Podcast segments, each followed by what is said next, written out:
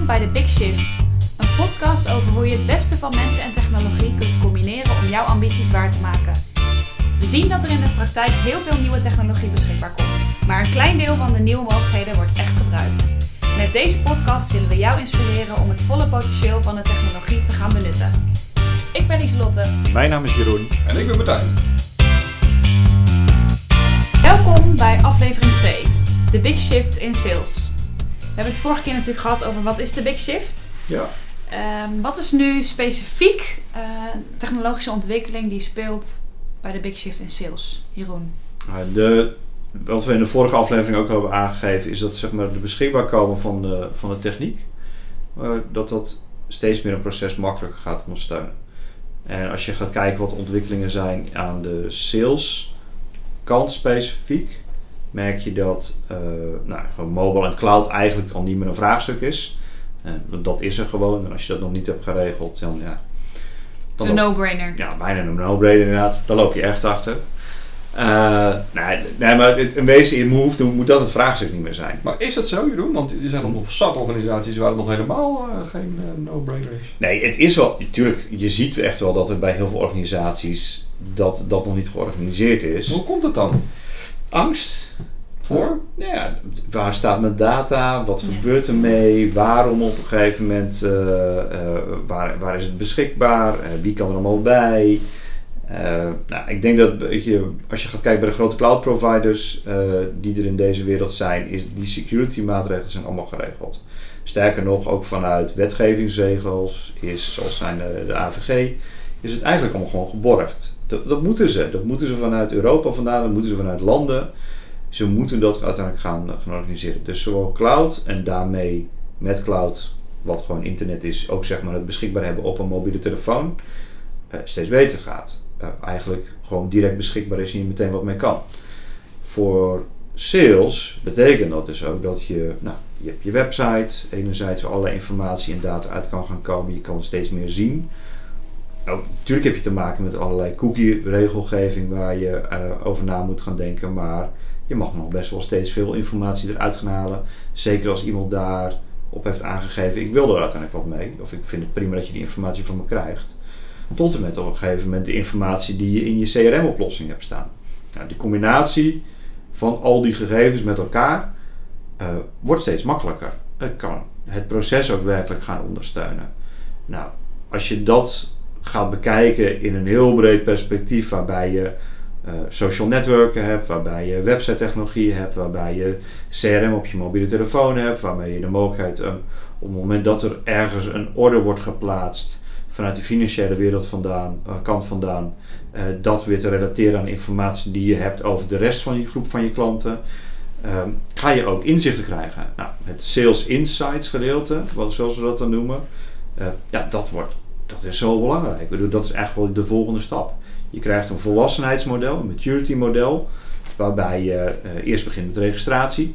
Dat is bijvoorbeeld een eerste stap kunnen zijn. Uh, nou, dan praten we over CRM en het vastleggen van uh, wie is op mijn website geweest. Je krijgt een tweede stap krijg je dat in, om die informatie met elkaar te combineren en ook daarmee samen te gaan werken met collega's. Wat een ja, hele, andere teams. Ja, andere teams. Ja, ja. Sales en marketing, wat we vorige keer ook al hebben gezegd. Uh, dus dat dat heel belangrijk wordt. Uh, de derde stap die daarna gaat krijgen is insights. Dus inzichten gaan krijgen. En of dat door middel van een dashboard is of wat dan ook, dat maakt op zich niet zo heel veel uit. En de vierde stap uiteindelijk is, is dat je aan de hand daarvan ook geautomatiseerd kan gaan handelen. En dat noemen we dan vaak AI of op basis van machine learning en daar uiteindelijk ja, iets mee kan intelligentie gaan gebruiken om iets met die data te doen. Ja, om daar iets mee te gaan doen. En nou, dat is... Wat gebeurt er nu? Het is, het is er gewoon. Ik bedoel, um, uh, het, het, de technieken zijn. Cloud is aanwezig, mobility is volledig aanwezig. Uh, uh, de, de, de, technie, de technieken voor insights zijn volledig beschikbaar. Uh, sterker nog, de, de hele AI machine learning kant zijn allerlei patroonherkenningen zijn voor beschikbaar. Kan je direct morgen gaan inzetten. En waarom zou je dat doen als organisatie? Wat bereik je daarmee? Omdat het ervoor kan gaan zorgen dat je op een andere manier je werk kan gaan organiseren. Dus het wordt, je kan stappen ertussen uit gaan halen, waardoor je het eenvoudiger maakt. Het, je kan echt uh, uh, dingen die repeteerbaar zijn, kan je ergens anders aan overhalen, aan ergens anders aan overlaten. Maar daarbij is ook dat je andere inzichten gaat krijgen. Je kan de inzichten gaan gebruiken om het weer terug te geven naar je werk. Nou, wat het dan is, dat kan heel divers zijn. Als je gaat kijken, bijvoorbeeld als je in onze wereld waar wij dan in leven, zou dat kunnen betekenen dat we beter kunnen aangeven of een bepaalde uh, prospect van waarde is voor ons. En of daar een groei in zit. En op het moment dat we daar iets mee zouden willen gaan doen, gaan we met meer informatie, andersoortige informatie, andersoortige interactie, gaan we hem warm maken om bij ons te horen. Maar dat weet je soms niet. En met de hoeveelheid aan data die we nu hebben, kunnen we onze verkopers, accountmanagers, kunnen we dan mee ondersteunen. Een ander voorbeeld erin is, is dat je letterlijk in telefoongesprekken uh, mee kan gaan luisteren om te horen, doet iemand een verkoop zoals die, bijvoorbeeld als het gaat om het verkoop van hypotheken, of bijvoorbeeld het gaat om verkoop van, van bepaalde producten, diensten, uh, letterlijk mee te luisteren bij de verkopende agent en te kijken van, joh, wat gebeurt er in zo'n gesprek? En niet om hem te beoordelen of niet om uh, in te braak, in, inbraak te maken op privacy uiteindelijk, maar letterlijk intenties te kunnen beoordelen, ondersteuning te kunnen geven uh, aan die agent en informatie mee te kunnen geven. Joh, gaat, zitten we op de juiste weg of gebeuren er rare dingen uiteindelijk? Ja. Uh, om daarmee ook weer het werk makkelijker te maken. Ja. Alles daar weer in teruggeredeneerd om het eenvoudiger te kunnen maken en sneller erbij te komen. En ik denk op zo heel veel momenten ook misschien wel meer te doen. Wat we te weinig hebben gedaan de laatste tijd, is echt in verbinding te kunnen staan met je klant. Want dat wordt wel steeds belangrijker. Is het te kort door de bocht gezegd als je zegt dat als je niet gebruik maakt van de oplossingen die er nu zijn op het gebied van sales en daar niet uh, je salesorganisatie op stuurt en dus dat persoonlijk contact maakt, dat je dan eigenlijk straks niet meer meedoet? Ja, ja, nou, we gaven net al zeg maar cloud en mobile, zeg maar. Dat is een no-brainer dat te doen. En, uh, ik denk dat je als organisatie langzamerhand wel in de houding moet gaan staan. Het moet een beetje een no-brainer worden. Het moment dat we niet onderling met elkaar samenwerken en niet zorgen voor die inzichten en die inzichten met elkaar delen. Omdat techniek is er, is er gewoon voor beschikbaar. Ga, de, eigenlijk hoef je niet eens de vraag te stellen van joh, welke techniek ga ik inzetten? Eigenlijk wordt de vraag van joh, hoe werk ik? Wat ga ik met die techniek doen om mijn proces te optimaliseren? Dus je kan bijna ook gaan omdraaien. Ja. En je noemde net ook even social networks. Is, er dan, is dat dan ook een nieuwe manier van verkopen, nu die techniek er is? Nou, het, het, ik denk niet zozeer dat het een nieuwe manier van verkopen is. Waar het vroeger, als je bij de slager kwam, de slager echt wel wist wie je was en wat je bestelde en wat je meenam. En een leuk het gesprekje met je aanging. En als je dan vier dagen later weer kwam, dat nog steeds wist, de, vraag dan, joh, was het afzwemmen gegaan van je, van je kind, zeg maar. Uh, uh, dat zijn we wel een beetje kwijtgeraakt. Door de ja. volledig geautomatiseerde het hele sales marketing proces zien we gewoon dat er gestampt wordt op.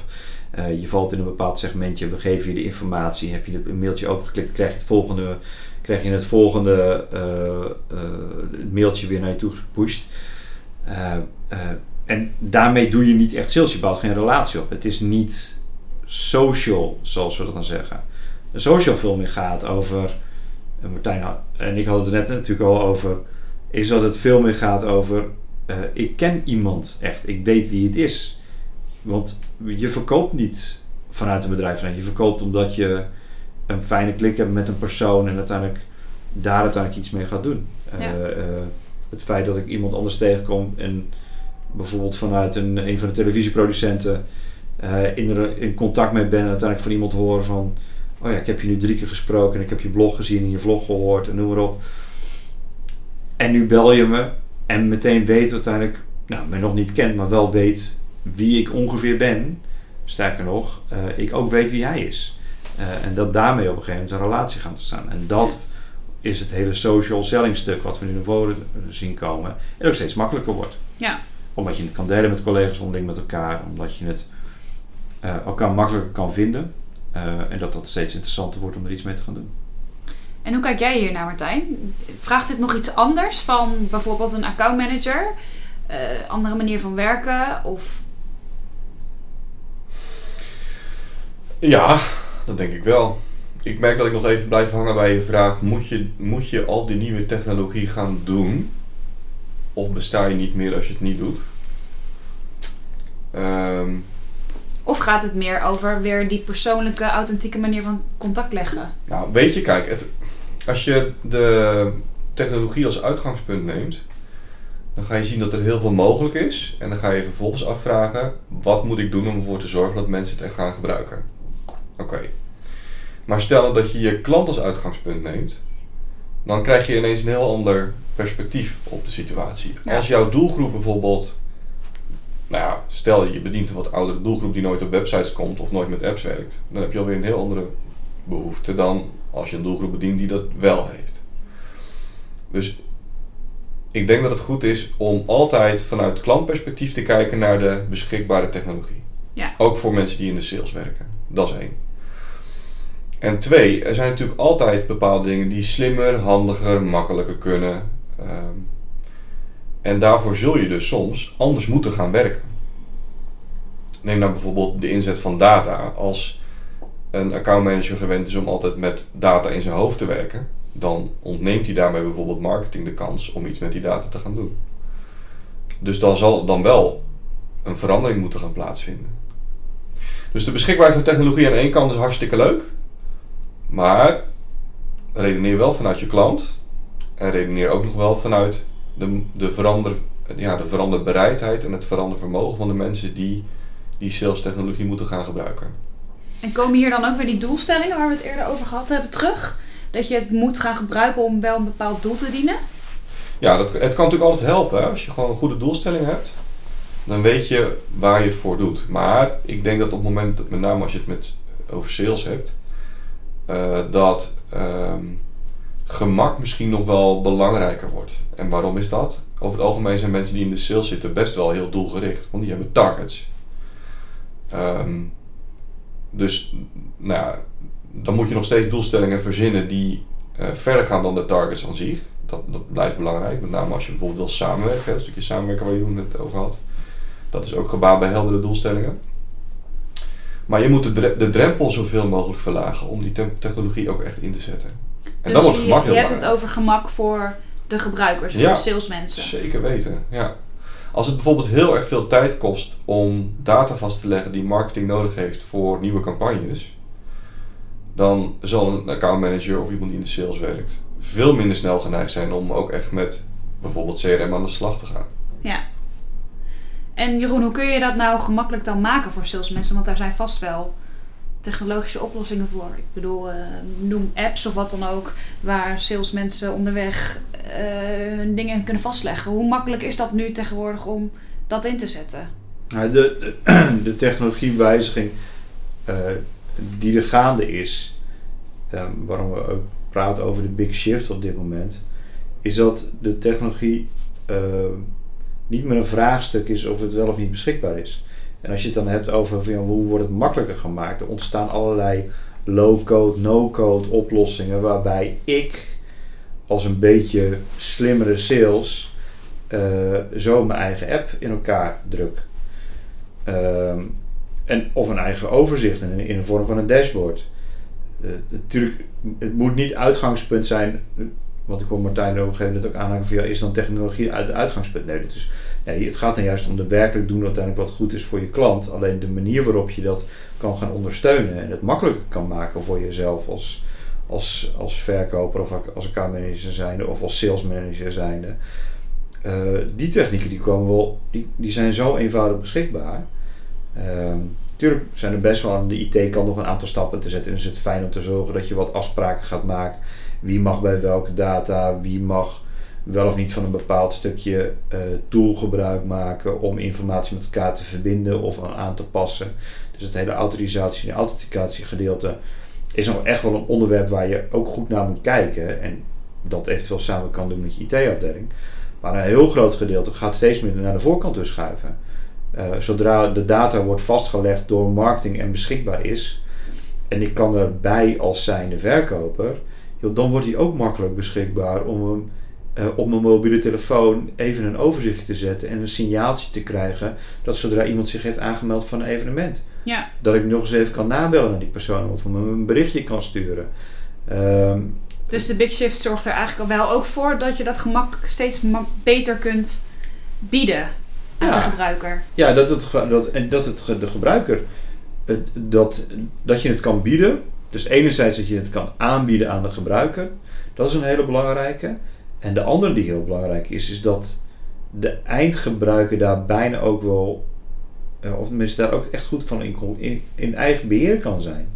Uh, hoe makkelijk, wat er nu gebeurt, is gewoon letterlijk dat de data wordt uit het CRM-systeem wordt ge, gedownload, zeg maar, in een Excel-sheetje wordt gezet, dat ergens op een laptop of op een, op een mobiel device van een, van een verkoop. En die genereert zijn eigen dashboardje. En dat doet hij vijf keer per week. Om te zorgen dat hij elke dag uiteindelijk inzicht heeft in wat er bij zijn, bij zijn klanten, bij zijn klantengroep gebeurt. Ja. Of gaat er een, een, een callcenter medewerker, een, een verkopende callcenter medewerker, dus een agent, gaat vervolgens uh, zijn eigen uh, Word-documentje samenstellen omdat hij allerlei knowledge base vragen heeft. kennisartikelen bij elkaar aan het zoeken heeft die zo handig zijn om uiteindelijk de, de antwoorden en de vragen, of de, de vragen kunnen beantwoorden die hij van uh, geïnteresseerde verkopers, kopers krijgt. Al dat soort dingen zijn steeds makkelijker dan we op één plek te zetten en te delen met elkaar. Er is geen vraag meer over of je daar dan ook nog een keer intelligentie op kan toevoegen.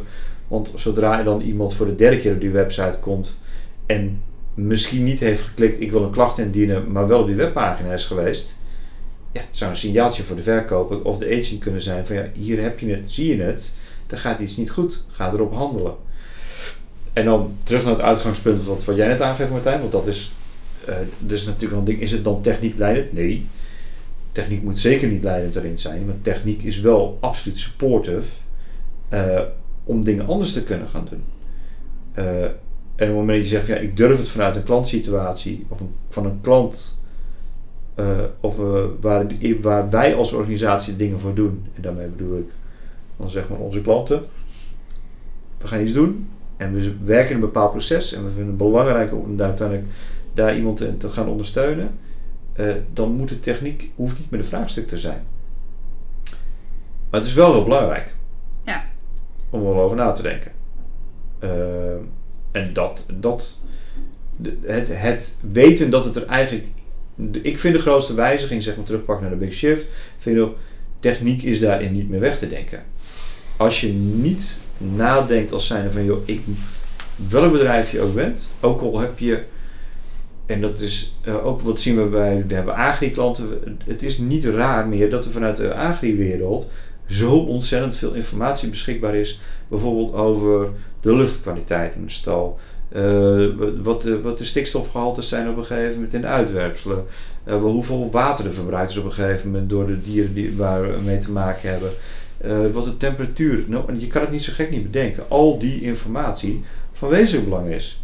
Niet alleen voor de dienstverlening op een gegeven moment die die agrariër uiteindelijk biedt naar de buitenwereld. Het is van zijn eigen dienstverlening. Maar sterker nog, zijn toeleveranciers ook nog eens een keer erom zitten springen. Omdat die daar weer een dienst op kan.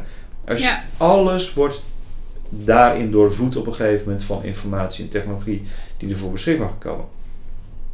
Maar het gaat daarbij om een goed product te leveren goede dienstverlening, goede uh, verbeterende leefomstandigheden, et cetera, et cetera, et cetera. Ja. Martijn, even terug naar uh, het menselijke stuk. Wat is nou de grootste uitdaging die je ziet bij organisaties of in bepaalde situaties uh, op het gebied van sales en technologie, waar dat eigenlijk nou ja, te weinig nog wordt op een optimale manier wordt gebruikt? De, de grootste. De grootste de grootste. Nou, de grootste. over de big shift, hè? Hier zo. Technologie is al heel lang de bottleneck niet meer. Het zijn de mensen die de technologie moeten gaan gebruiken, die um, een remmende werking kunnen hebben op het succes van technologie. En de oorzaken daarvoor die zijn heel divers. Om een voorbeeld te noemen, op het moment dat je CRM in gaat richten en je gaat, dat, je gaat daar heel veel verschillende mensen en eisen in stoppen, dan is de consequentie daarvan vaak dat er veel meer moet worden vastgelegd dan direct noodzakelijk is voor het werk van een accountmanager. Dus daarmee werp je een barrière op voor de ingebruikname ervan. Een manager wil iets weten, en de accountmanager nog iets weten, en dan moet de manager van de manager misschien nog iets weten, en dat wordt allemaal op een hoop gegooid, dat wordt dan ingebouwd en dan moet de accountmanager het vervolgens waar gaan maken. Dus, dus je creëert daarmee eigenlijk zelf je eigen barrière. Dat zien we gewoon vaak gebeuren. Ja, dus de grootste uitdaging is dat de techniek die er is, goed wordt gebruikt. Nou, die wordt Überhaupt heel breed ingericht. wordt gebruikt. Maar vervolgens niet wordt, die wordt vervolgens dus onvoldoende gebruikt. Ja. ja. En dat ligt dan misschien nog niet eens zozeer aan die accountmanager, maar meer dat de technologie als een soort boodschappenkarretje wordt uh, gemaakt, waarin van alles wordt gegooid wat handig zou kunnen zijn. Ja. Waardoor het boodschappenkarretje zo vol wordt dat je hem niet meer vooruit kan duwen, om het zo maar te zeggen. Ja. Ehm, Daar komt ook het gemak weer terug. En eigenlijk Ja. de user experience Ja. moet wel absoluut. waardevol zijn om Ja. te gebruiken. En dan is het voor, voor iemand die in de, in de sales werkt ook heel lastig om aan te geven waar hij het voor doet. Het gebruik van die technologie. Ehm, en dan zal het ook minder snel worden ingezet. Dus de drempel moet echt laag zijn. De doelen moeten duidelijk zijn en het gemak moet groot zijn. Dan pas ga je eh, van technologie een succes maken. Maar betekent dat dat je dus de gebruikers al moet betrekken in eh, het maken van een technologische oplossing? Of Ja. gaat dat te ver? Dat kan een oplossing zijn, alleen het probleem is dat ehm daar zit ook een risico in. Want als je tien accountmanagers vraagt wat ze willen weten, krijg je ook tien verschillende antwoorden. Wat dan bijvoorbeeld kan helpen, is dat je overeenstemming hebt over een, eh, een generiek salesproces. Dit zijn de minimale onderdelen in de werkwijze die we moeten uitvoeren. En dit zijn de databrokjes die in die stappen ontstaan. En laten we in ieder geval eens zijn over die minimale set. Dat geeft je een veel betere start dan als je heel erg in de breedte gaat vragen: wat moet er allemaal inkomen? Dus ja, betrek de gebruiker zeker, maar wees ook kritisch. En, be- en bekijk vanuit het proces wat minimaal nodig is. En is het voor zo'n accountmanager eh dan ook natuurlijk belangrijk om te weten... wat zijn dan de doelstellingen, wat willen jullie bereiken en what's in it for me? Ja, klopt. En die, de grap is dat die niet allemaal op één lijn hoeven te liggen. What's in it for me hoeft niet per se een directe relatie te hebben met een organisatiedoelstelling. Nee, dat, dat kan ook persoonlijk zijn. Ja, dus de totstandkoming van de inrichting van technologie is ook al een menselijk proces. Wat heel veel invloed heeft op het succes van de technologie zelf. Ja, het, het op zich, maar het is wel grappig, want het is klopt. De, de, de hele manier waarop we zeg maar projecten doen. Ja, we kunnen een analyse vooraf maken wat de minimale functionele behoeften zijn. Maar uiteindelijk als we niet gaan nadenken hoe dat, zeg maar, dat hele proces zich ontstaat en wat je daar uiteindelijk nog uit wil halen. Ga je ook een soort gedrocht maken waarschijnlijk. Ja, dat klopt. Maar hoe, hoe, ehm, hoe, zorg, hoe kies je nou wat je doet? Hoe stel je prioriteiten? Ga je voor de doelstellingen van de organisatie? Hm. Of ga je ervoor dat de mensen het fijn vinden om te gebruiken? Hoe zorg je nou dat je een middenweg hebt waarin het en je organisatie helpt, maar ook eh, fijn is voor je mensen om te gebruiken en zij zich gehoord voelen in wat zij nodig hebben? Wat Nou, kies je? Super mooie vraag. Kijk, je organisatie heeft een bepaald bestaansrecht. En die is gekoppeld aan een aantal doelen. Maar het belangrijkste doel van een organisatie is altijd op een rendabele manier klanten bedienen. Hè, als je niet rendabel bent, kun je je klanten op een gegeven moment ook niet meer bedienen. Dat is heel simpel. Ehm, als je nou daar vertrekt en vervolgens eh, gaat ehm, specificeren op welke manier je dat wil doen, dan kom je op een aantal lager gelegen doelstellingen uit. Bijvoorbeeld op het gebied van klanttevredenheid of efficiëntie, dan zie je meer het proces. Die moet je hebben als kader, daar ontkom je niet aan. Vervolgens kun je binnen die kaders wel gaan nadenken over, oké, maar hoe gaan we er nou voor zorgen dat je een goede oplossing hebt en dat de adoptie goed geregeld wordt. En dan moet je de juiste mensen gaan mobiliseren binnen je organisatie en hen een stem geven in het ontwikkelproces. En zo ga je steeds verder naar beneden, naar een steeds groter detailniveau. De truc is alleen om op het juiste moment te gaan beginnen met ontwikkelen. Want je wil op een gegeven moment iets kunnen laten zien. Dit is wat er nu is. Je moet het dus concreter gaan maken. En dat gaat heel goed in een agile proces. Dus het gaat echt om de combinatie van en de techniek en de doelstellingen eh, voor de op organisatieniveau, maar ook luisteren naar wat de gebruikers nodig hebben. Ja, De combinatie van dat alles is wel dan dus eh, nodig om het een succes te maken. ja Ja, en dat is ingewikkeld. Want je moet voortdurend afwegen tussen die perspectieven. Ja. Ja, dat, kijk, er is ook, er is, als mensen nu zouden gaan vragen, eh, stel gerust de vraag overigens als jullie dat zouden willen, maar eh, eh, als mensen nu zouden gaan vragen van is er een ultieme blauwdruk waar je dat mee zou kunnen gaan doen? Ja, dat is er niet. Dat is zo afhankelijk van waar de organisatie in zit. Als je een organisatie bent van 25 man gefocust op, op het onderwijs eh, en je, wil uiteindelijk daar een fijn product en een dienst in weg gaan zetten, is dat compleet anders op het moment dat je met een, een financiële organisatie naar 30.000 man werkt die eh, nou, Europees georiënteerd is. De, de, wereld ziet daar zo anders in uit. Ehm, niet eens alleen zeg maar, vanuit de klantbediening, maar ook van de producten die het zijn, eh, de technologische infrastructuur en kaders waar je mee te maken hebt, allerlei wetgeving wel of niet. Dus je, je zal toch per situatie opnieuw moeten gaan kijken. Alleen daarbij is het, is, het is zeker wat te doen. Ik bedoel, de, de manier waarop je kan zeggen van joh, ik ga een deel van de dingen, en met de dingen bedoel ik de technieken beschikbaar stellen zodat mensen daar zelf op mee kunnen. Anders zorg ik ervoor dat de hele basis uiteindelijk is. We gaan organisatorische voorwaarden scheppen, wat Martijn ook al zegt. Joh, we zorgen dat we vanuit de basis, vanuit als organisatie onze doelen goed in kaart hebben gebracht. We helpen daar uh, uh, ook onze medewerkers om de juiste processen op een gegeven moment te kunnen volgen. Hoort er ook bij. Het, het, het is die wisselwerking. Maar als je dat, dat durft te doen als organisatie zijnde, van ik ga en zorgen dat ik mijn medewerkers daarin mee ga helpen, mee ga nemen en ga ondersteunen en daarmee een proces kan gaan verbeteren of beter kan neerzetten. En dat tegelijkertijd met technologie durft te gaan ondersteunen. Ja, dan heb je, ga je wel echt stappen vooruit zetten en dan kan je meegaan in de big shift die er gaande is. Ja. Jeroen, even ter afsluiting, een wrap-up. Wat zijn de technologische ontwikkelingen waar je iets mee moet op het gebied van sales? Nou, zeker ga in ieder geval kijken waar je, ik benoemde net zeg maar die vier stappen in, in, in maturity, in volwassenheid. Ga gewoon daarin voor jezelf kijken waar sta je. Uh, en op het moment dat je ziet dat je bijvoorbeeld al heel veel doet aan registratie en ook al in samenwerking met elkaar, ga dan vervolgens naar echt wel kijken of je die stap van intelligentie kan toevoegen. Um, uh, zodat je ook met die intelligentie zo meteen in je proces kan gaan sturen. Uh, dat wordt een hele belangrijke. Uh, en weet dat onderwerpen als zijnde social selling, uh, ja, eigenlijk een, een, min of meer, eigenlijk zeker in het groot gedeelte van de wereld al, al gewoon een voldongen feit zijn. dus ga er ook meteen naar kijken. En of je dat nu doet via Facebook, LinkedIn, Instagram, dat maakt een wezen maakt niet uit. Maar ga wel op die manier onderzoeken wat je in ieder geval ermee kan. Ja. Uh, en als je dat nog niet al doet. Ligt ook aan je markt natuurlijk. Ligt aan sowieso. Je doelgroep, ja. ja. Martijn, jij nog wat takeaways vanuit menselijk, menselijk perspectief ja. op dit gebied? Um, zorg voor een duidelijke doelstelling. Zorg voor kaders waarin je uh, de nieuwe technologie op het gebied van sales uh, wil gaan inzetten. Dat helpt. Anders heb je geen richting en dan ga je maar wat proberen. Als je die duidelijke kaders hebt, begin klein. Uh, door aan gebruikers te vragen: wat gaat jou nu helpen om effectiever te zijn in sales? Start met het gebruik daarvan en schaal op wat werkt. En blijf leren. Dus dat betekent dat je de ontwikkelingen op het gebied van die nieuwe technologie blijft volgen.